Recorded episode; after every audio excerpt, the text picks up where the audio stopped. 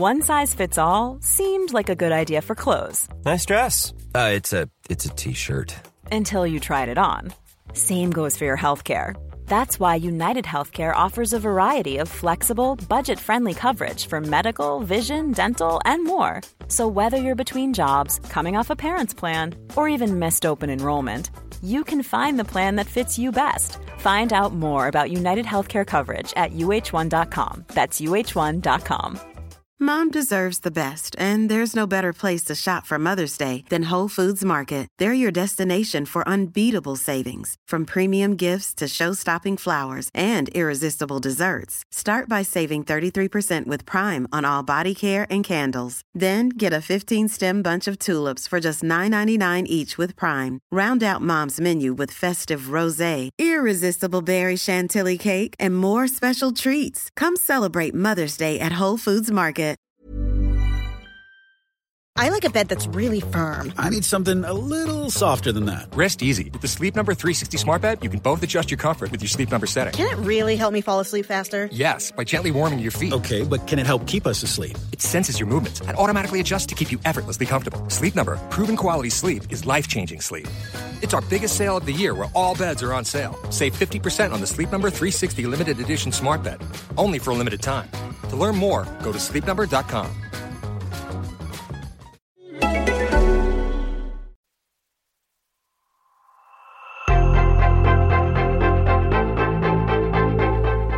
Varje dag äter jag lunch med en spännande person som jag aldrig tidigare har träffat.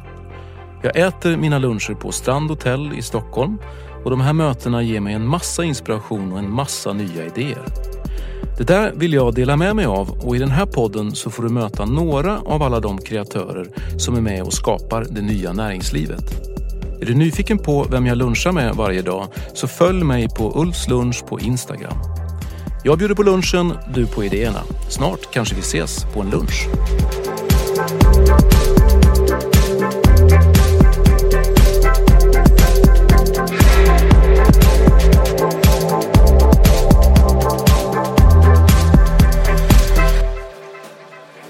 Simon, ehm, e- ett favoritämne i fikarum på arbetsplatser är ju ofta så här.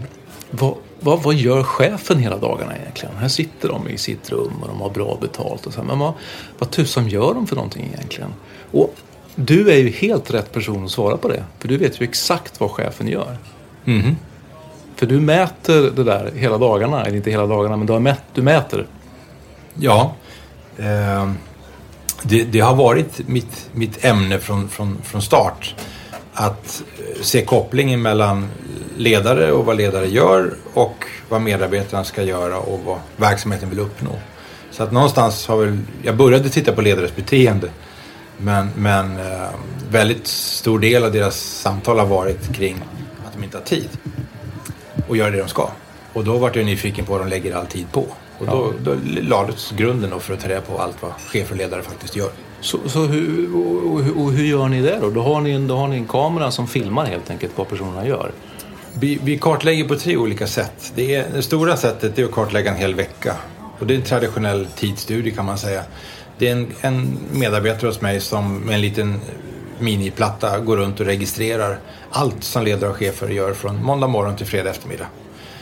Ehm, Nästa nivå av kartläggning är att vi filmar forum eller möten exempelvis. Då. Att Om jag går runt i verksamheten då filmar vi ledare och chefer då. Eh, Sitter jag och håller ett veckomöte, morgonmöte, individuellt samtal så filmar vi då när ledare, vi, vi kallar det för att ledare utövar ledarskap. Ehm, Och sen den, den eh, tredje sättet vi kartlägger på det är det vi kallar för självskattning, enkäter. Och vad, är, och vad kommer man fram till när man håller på och mäter vad en ledare gör då? Gör de, gör de det de ska göra och gör de det de tror att de gör? Ehm, vi, vi tycker att en av de mest intressanta upptäckterna har varit i det de, det de inte vet att de gör. Nej. Alltså när ledare säger att jag har inte tid att göra det jag ska. Då, då ser vi då att de lägger väldigt mycket tid på andra saker de vet att de gör. Men de stora upptäckterna, det är ju allt de inte vet att de gör. Eh, och där kan man hitta mycket, mycket tid mellan aktiviteter. som man inte var medveten om. Små avstämningar, eh, eh, vad heter det, när man växlar mellan aktiviteter, man har ställtid. Eh, och att man kanske gör lite med en sak istället för att göra en sak klar. Och då tror man liksom att man jobbar bra för att jag jobbar mycket. Och det betyder att om jag försöker skriva ett mail sju gånger istället för att skriva klart det en gång så tror man att man jobbar mer. Och det gör man ju, men man får inte mer gjort. Och, och då, har- det är väl där någonstans vi har hittat de här idéerna kring att kan man jobba på ett annat sätt så att man får ut en större effekt av den tid man lägger ner? Och svaret på den är ja. Men, om man, men, om man tittar på vad en chef gör på en dag, då, vad, vad, är, vad lägger de sin största del av tiden på? Ehm, om jag inte går in på exakta siffror Nej, så kan jag ändå säga att, att hälften av sin tid, ungefär, plus minus, och beroende på person och situation och bransch och allt annat man måste ur, ursäkta sig för. Eh, säkert kön, och ålder och erfarenhet och allt det här också. Men det chefer och ledare eh, gör det att hälften av tiden är de eh, i administration eller det vi kallar då för någon form av chefsuppdrag. Att man skapar förutsättningar, sitter i möten och så. Och i andra halvan eh, är man då ledare. Det vill säga att jag själv leder mötet. Att jag själv är i samtal med medarbetare som sen ska utföra saker som jag då är ansvarig för som chef eller ledare. Så att i de siffror vi har, ungefär hälften av tiden eh, lägger man på chefsuppdraget och hälften på ledarskapsuppdraget. Och då är per definition ledarskapsuppdraget när jag är i interaktion med medarbetare som jag har för avsikt att leda och styra och påverka. Ja. Och vad är, vad, var i består själva ledaruppdraget då? Att instruera och, och styra eller? Ja, le- Ledaruppdraget bryter vi sen ner då i ett antal beteenden. Och de här beteendena det är då att, att bidra till en instruktion kring det som ska göras. Uppmärksamma det som har gjorts. Bekräfta och återkoppla på det som har gjorts. Berätta för medarbetare vad jag själv har gjort och ska göra som ledare. Och sen är det att prata om arbetet, det vi kallar för i är-form. Det vill säga information, eh, diskussion, reflektion om hur saker är och var och ska vara och hur det blev. Ehm, och procentuellt så, så varierar de där väldigt mycket men de delar vi har kommit fram till som har väckt intresse är att ledare lägger väldigt stor del av sin arbetsvecka på så kallade är-samtal. Och en väldigt liten del av veckan på de så kallade gör-samtalen. Och är-samtalen, då pratar man om verksamheten i en passiv form, att det är så. Hur var det? Hur blir det? Ehm, och i gör-samtalen pratar man om arbetet i en aktiv form. Vad har du gjort? Vad gör du? Vad ska du göra? Och lägger man, som det är nu då med siffrorna, 80% på är-samtal och 20% på gör-samtal så är det många chefer och ledare som reflekterar kring att är det där så bra? För när vi har pratat med medarbetare så har de bekräftat att för mycket är-samtal gör att det känns som att vi kom, går inte framåt. Vi kommer inte framåt. Vi, det blir inte tydligt vad vi ska göra. Vi uppmärksammar inte det som har gjorts. Det känns inte som att, vi, att hjulet rullar framåt utan bara runt, runt, runt. Vi pratar om samma saker om och om igen i alla forum. Eh, och så finns naturligtvis för stort fokus på gör-frågorna också. Men de verksamheterna är oerhört få. Så att då kan man summera det hela med att säga att vi pratar väldigt mycket i svenskt arbetsliv. Men att prata om det vi har gjort och ska göra som är grunden för motivation och prestation, det gör vi för lite. Ja, för, för det var ju min nästa fråga då. Vad man som anställd eller som, eller som medarbetare, vad man uppskattar mest från sin chef. Tittar ni på det också? Får ni den typen av indikationer också? Eh, nej, vi har inte tittat på det, men det finns ju tidigare forskning eller så kallad grundforskning kring vad som motiverar medarbetare. Och det som medarbetare uppskattar som vi har sett hittills, det är en bra blandning. Och en bra blandning är alltså en blandning mellan de viktigaste nyckelbeteendena men också en procentuellt bra blandning. Och där upplever många medarbetare att det inte är en bra blandning procentuellt. Det vill säga att för mycket om hur saker är och för lite om det vi faktiskt gör. Och då var det en, en klurig medarbetare som, som sa till mig, jag tror det var 2014, som jag var på, på en, en stor industri. Och han sa till mig att på den här arbetsplatsen så pratar vi väldigt mycket. Eh, och gärna om arbetet. Eh, men alltid utifrån hur det är. Det vill säga, jag pratar gärna om arbetet. Bara vi inte ska prata om hur jag gör mitt jobb. Och det är, en, det är en jättestor och väldigt intressant skillnad på att jag vill gärna prata om jobbet. Men jag vill inte prata om hur jag gör mitt jobb. Eh, vilket innebär att man fyller, alltså människor kommer in och ut ur olika rum på arbetsplatsen och sitter i möten för att prata om hur det är. Men ingenstans vill människor prata om vad de faktiskt gör. Vilket innebär då att det blir mycket prat och lite verkstad. Ja, jag förstår. Men, men, men då måste väl också det betyda att för att det där att göra handlar väl väldigt mycket om återkoppling av det som jag faktiskt gör. Är det där är det, där det brister då? Att verkligen få en återkoppling på sitt jobb från sin chef? Ja, om man tittar på gör, gör-samtalet så består det av fyra delar. Den första delen är då att många medarbetare önskar en större tydlighet kring det de ska göra. Och då pratar man inte detaljstyrning. Utan den bästa instruktionen det är ju den som medarbetarna själva får vara med och tänka, planera och formulera och utföra själv. Eftersom motivation är någonting som ökar när medarbetaren själv har fått vara delaktig. Det vill säga om jag själv får tänka, planera och formulera och utföra mitt jobb så ökar motivation och delaktighet och engagemang. Vilket innebär att många ledare och chefer de ger instruktioner men medarbetare vill inte ha instruktioner. Utan de vill få saker och ting tillräckligt tydligt förklarat för sig så att de kan formulera sina egna instruktioner. Vilket innebär att den tydligaste instruktionen är inte en instruktion utan den tydligaste instruktionen är en fråga. Eh, Det vill säga, vad är det du ska göra? Vad behöver du för det? När kan du sätta igång? Hur lång tid kommer det ta? Vilka ska göra det här? Har du gjort det här förut? Vad kan gå fel? Hur gjorde ni sist? Vad ledde det till? Vad finns det för alternativ? Alltså mängder med frågor. Man kallar det för det coachande ledarskapet. Då, att, att leda genom frågor. Det är det ena de vill ha. Det vill säga, de vill ha tydlighet i sitt uppdrag, i sina mål, i utförande aktiviteter, men utan instruktioner. Ja, motsägelsefullt, men jätteintressant. Eh, Det andra de vill veta, det är ju, eller veta, det andra de behöver, det är uppmärksamhet för utfört arbete.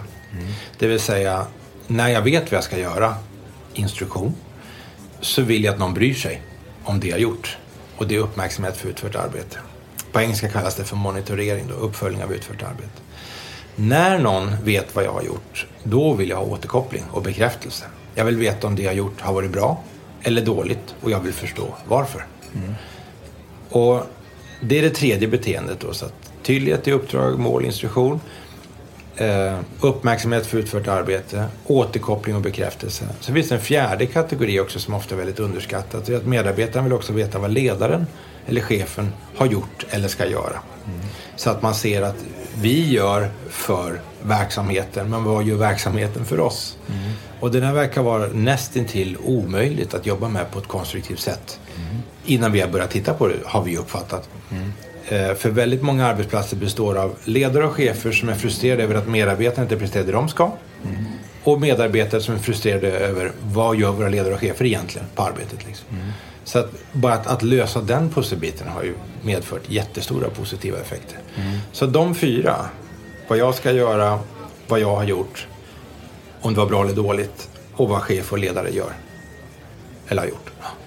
Men, men är det de, för där har, är det, det är slutsatser man kan dra av den forskning och den, de studierna som ni gör helt enkelt. Alltså, så ska man bli en bättre chef eller en bättre ledare så är det de här fyra bitarna man ska jobba med. Det är de fyra beteendena. Ja. Sen finns det ju två andra saker också att vara duktig på då. Vi ska bygga upp det här stora korthuset. Ja, det är bra. Det, det, någonstans så, det är ändå sju år som har gått åt av min tid. Så jag måste få bre ut lite grann. Ehm, en del som vi inte har pratat om hittills då, det är ju då ehm, övergripande processer och strukturer. Det vill säga, om du ägnar dig åt rätt beteenden, då har du en väldigt god förutsättning till en positiv påverkan på motivation, engagemang, delaktighet och prestation. Men sen handlar det också väldigt mycket om övergripande strukturer, det vill säga vad har jag för veckostruktur? Vad har jag för morgonrutin? Vad har jag för eftermiddagsrutin? Vilka mötesforum har jag avsedda för att leda? Hur väl förberedda är de? Hur väl genomför jag dem? Hur väl summerar jag dem? Hur väl hänger de ihop med annat? Bygger vi stuprör? Bygger vi samverkan? Eh, jobbar jag frekvent, systematiskt, regelbundet, återkommande? Borde vi träffas oftare, mer sällan? Pratar om rätt saker på rätt sätt i rätt ordning på mötet? Alltså, allt det här, eh, ja, strukturen runt ledarskapet. Ja. Och där är det väldigt många som underskattar dels människors behov av återkommande struktur, det vill säga igenkänning. Vi gillar traditioner, Ja. vi gillar Samma vanor. möten vid samma tid. Ja, Mm. ja. vi gillar när vi känner igen. Alltså igenkänning skapar trygghet. Om det är nytt hela tiden, det vill säga jag vet om du är min chef och jag vet inte när jag träffar dig nästa gång. Jag vet inte när du kommer vara här nästa gång. Frågan jag väckte förra veckan vet jag inte om jag kommer få svar på eller när jag kommer få svar på den. Jag vet inte var den tog vägen för du noterar inte. Du, du skriver inte upp dem på en tavla. Det finns inte med ett protokoll. Du säger ja, ja, ja, säger du och så flaxar du förbi igen. Jag hör vad du säger. Jag hör vad du säger, kanske, det vet jag inte heller. Du sa det, men inte vet jag. Så, så att om, om man bara har det här strukturen, det vill säga att det låter lite väl tråkigt, men om man har fasta dagar med fasta tider, med fasta forum, med fasta agendor, eh, fasta frågor och fast talordning. Alltså att, att man liksom kan känna igen sig, det skapar grunden för trygghet. Ja. När tryggheten har satt sig, då är, uppskattar människor variation. Det vill säga, nu, nu kan jag det här. Nu vill jag ha stimulans, nu vill jag ha utveckling. Men det många chefer och ledare har underskattat som vi har sett så här långt då. Det är just att först sätta en grund innan man börjar improvisera. För väldigt många chefer och ledare de arbetar med bara improvisation. Det vill säga att jag får se när jag träffar dig igen. Jag, jag får se när jag har tid att vara i verksamheten igen. Vi får se hur det blir med de här mötena när vi kan få dem igen. Vi borde träffas men jag vet inte riktigt när vi kan göra det. Så att en stor del av veckan är väldigt improviserad och som vi kallar den för händelsestyrd. Det vill säga att man kör på. Mm. Man gör en massa aktiviteter. Man gör naturligtvis så gott man kan. Ehm, man jobbar hårt, man jobbar fort. Men det är absolut inte regelbundet, systematiskt, igenkännande. Så. Och då finns det en risk att man liksom inte skapar den här tryggheten. Vilket innebär att medarbetarna bara uppfattar improvisation och kreativitet. Liksom. Men vad menar du då? Menar du att man först måste sätta den där mötesstrukturen och, och, och liksom ha en struktur kring det för att sen kunna improvisera vad gäller strukturen? Eller? Naturligtvis beror det på arbetsplats eh, och så. Men om man ser alla människor som blir riktigt bra på någonting. De lägger i regel ner timmar och ibland veckor, månader och år på att träna grunderna. Innan man börjar bygga på eh, lite mer roliga grejer. Innan man kan improvisera. Och jag tror att jag skrev i min bok om när jag spelade trummor när jag var liten. Så, så hade jag två trumlärare som idag tillhör Sveriges bästa eh, trummisar. Då. Jag tyckte de var så fantastiskt bra på att liksom improvisera på trumsetet. Och jag, jag ansökte för att, få gå kommunal musikskola och spela trummor för att jag ville bli så där bra som de var på att improvisera. Och då var det en av dem som sa till mig att Vet du vad jag gjorde under hela min uppväxt? Eh, nej, sa jag. Jag satt i min källare. Jag hade inte vänner. Jag gick inte på fester.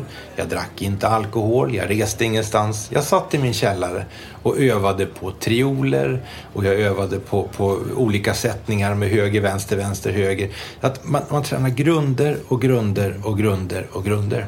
Tills grunderna satt. Då börjar man lägga på ett visst mått av utvecklande struktur. Och när man väl har övat på alla strukturer som finns och man kan dem utan och innan, då ägnar man sig åt det som andra tror är improvisation. Men egentligen så är det år av övning i grundstruktur. Och jag tycker att väldigt många verksamheter verkar sakna ett bra introduktionsprogram för chefer och ledare. De verkar sakna en bra handledning av chefer och ledare. Utan chefer och ledare, dels är det ganska tvivelaktigt på vilka kriterier de har rekryterats ibland. Och sen kastas de in i att hantera en stor mängd aktiviteter. Men de får aldrig hjälp av någon och säga att 50 procent av din tid ska du göra det här. 20 procent bör du lägga på det här och 10% på det här. Eh, du bör börja morgonen på det här sättet och sluta din eftermiddag så här. Du bör tänka så här kring leda, styra och, och påverka eh, den här typen av yrkesgrupper. Alltså hela grundtänket kring ledarskapsstruktur. Mm. Som jag säger då ska vara på ungefär 10% av tiden. Att fyra timmar i veckan ska du ha en grundläggande struktur. Mm. Lägg sen på fyra timmar till. Då är du uppe i åtta. Du får fortfarande springa runt och göra vad du vill 32 timmar i veckan. Men åtta timmar i veckan måste du ha en grundstruktur. Mm. Så att medarbetarna kan känna igen sig. Och när de känner igen sig så kommer de förbereda sig. Och när de förbereder sig så kommer det gå bättre. Alldeles för många de har alltså inte grundstrukturer, det finns ingen igenkänning, därför förbereder sig inte människor. Allt är improviserat och som vi ser i våra tidsstudier som vi gör, 65% händelsestyrt. Liksom. Mm. Och det är så härligt att gå till jobbet för man vet aldrig hur den här dagen ska bli. men, men det är inte bara av godo liksom. Det är en Nej. härlig känslomässig resa. Mm. Men, men liksom personligen, man kan gå på Gröna Lund för det. Men när man jobbar som chef och ledare så har man också ett ansvar för, för att människor ska känna igenkänning, trygghet, eh, stabilitet, återkommande aktivitet. Alltså, att det finns någon form av plan och struktur. Liksom. Att det inte bara är Lattjo Lajban och, och High Chaparral. Så för att, för att sammanfatta och knyta ihop säcken lite grann då. För att bli en bättre chef så har du, du har ett behov av struktur som du måste träna och verkligen kunna för att sen kunna improvisera upp det där vartefter. Och sen hade du de fyra olika beteendena som, vi borde bli, som man som chef borde liksom utveckla. Och vilka var de nu igen? Um, tydlighet i det som ska göras. Ja. Uppmärksamhet för det som har gjorts. Återkoppling och bekräftelse för det som har gjorts och sen är det att som ledare och chef också synliggöra vad jag själv har gjort och ska göra för verksamheten, för medarbetarna. Sen finns det ett femte beteende och det är samtalet. Som vi varit inne på. Det är viktigt. Ja. Men det ska förmodligen inte ta mer än 80 procent av tiden. Nej. Utan det ska vara något mindre, men även det kan man göra väldigt bra. För där sitter ju ändå reflektion, där sitter diskussion och där sitter Eh, information och andra relationsskapande samtal. Mm. Så att det är också en balans mellan relation och prestation, alltså samtal, balans mellan är och gör. Mm. Så att det är också väldigt viktigt. Men eh, jag brukar säga så att jag har ännu inte träffat en människa som man måste träna i relationsskapande beteenden i lika stor utsträckning som ledare och chefer jag träffar som måste träna i prestationsskapande beteenden. Mm. Och orsaken till det är att eftersom vi är känslostyrda människor är att det känns relativt bra att prata om ytliga, generella, sociala, relationsskapande saker. Mm. Men det känns obekvämt att prata om utförda eller kommande prestationer för att det känns som att vi kontrollerar och styr och ifrågasätter. Mm. Mm. Och det tråkiga är att eftersom vi undviker det som vi generellt är dåliga på vi borde göra tvärtom. Vi borde träna mer på det vi är dåliga på. Mm. Och därför så sker inte den här utvecklingen av verksamhet som många vill ha. Liksom. Mm. Men, men, men innan din, din, det här struktur, vi gör ju alltså en kartläggning av tid. Och det, orsaken till det, det är att ledare i, i de här sju åren som jag har hållit på med mitt avhandlingsarbete så har ledare hela tiden sagt att jag har inte tid. Mm. Och jag vill ta reda på vad de la tiden på. Så att, alltså att få självinsikt och medvetenhet kring sin egen tidsanvändning. Det har alltid varit steg nummer ett. Mm. Så här vill jag ha det. Mm. Så här gör jag.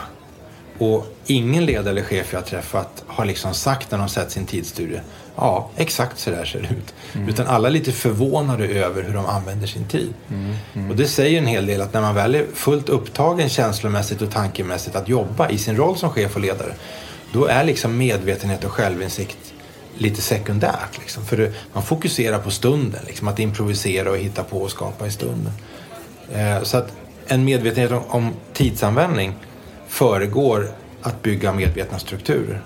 Och det föregår att öka frekvensen av de viktiga beteendena. Mm. Och det föregår involvera delaktighet och engagemang från medarbetare. Alla gör ju redan det här. Alltså många tror att jag gör någonting nytt. Ja. Men jag, jag, titt, alltså jag, jag, jag tittar ju bara på alla delar som ledare och chefer gör. Mm. Och så möblerar jag ju om i dem. Mm. Och så sätter vi ihop dem på ett nytt sätt. Så jag får ju inte ledare och chefer att sluta göra saker eller börja göra saker i regel. Utan jag får dem bara att göra allt det de redan gör men på ett annat sätt. som ger dem större effekt av tiden de lägger ner. Så vi bygger inget nytt utan det handlar bara om att du, du, du har ju redan en tidsanvändning idag. Du har ju redan mängder med aktiviteter. Du har redan strukturer. Mm. Om än ja, bra eller dåliga får vi prata om. Och du gör ju redan de här beteendena. Det är bara det att vi inte är medvetna. Vi har inte självinsikt och vi jobbar inte systematiskt med det. Mm. Så att jag för ju bara till medvetenhet och systematik. Mm. Så får man rumstera om det där. Ja, ja, precis. Så det är ledaren själv som leder sin egen förändring och utveckling. Ja. Så jag är ingen liksom hittepåfigur med någon superhjärna som kan se igenom alla, alla saker och berätta eller ha en, en, liksom en magisk lösning. Utan jag visar ju bara för ledare och chefer, så här beter du dig, så här använder du din tid. Mm. Och så genom ett resonemang så kommer vi fram till att prova nya strategier med samma beståndsdelar, med samma tid. Ingen ledare har fått mer tid av mig. Mm. Utan alla ledare har ju 24 timmar per dygn. De har ju 60 mm. minuter per timme och 7 mm. dagar per vecka. Liksom. Mm. Så att de, allt är detsamma. Beståndsdelarna är samma, innehållet. Jag bara får dem att bygga ihop sitt pussel på ett annat sätt. Ja. Du, eh, vad sägs om en kopp kaffe på det här? Absolut. Vad dricker du för någonting? Oj, bra fråga. Jag vet inte vad vi sa sist. Lungo tror jag. Lungo. ja, jag tar en cappuccino. Tack. Tack.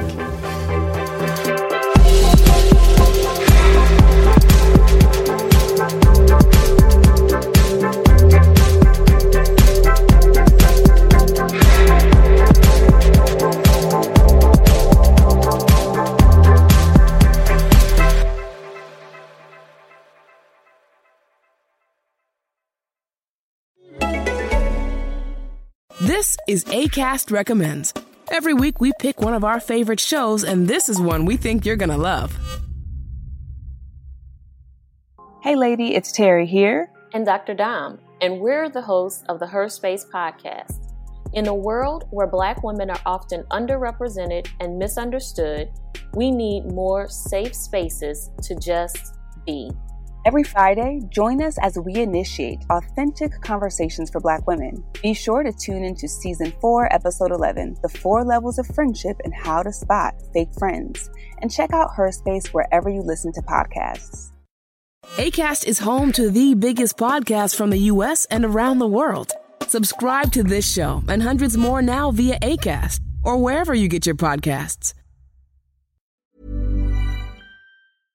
Imagine the softest sheets you've ever felt. Now imagine them getting even softer over time. That's what you'll feel with Bowl and Branch's organic cotton sheets. In a recent customer survey, 96% replied that Bowl and Branch sheets get softer with every wash. Start getting your best night's sleep in these sheets that get softer and softer for years to come. Try their sheets with a 30-night guarantee. Plus, get 15% off your first order at bowlandbranch.com. Code BUTTERY. Exclusions apply. See site for details.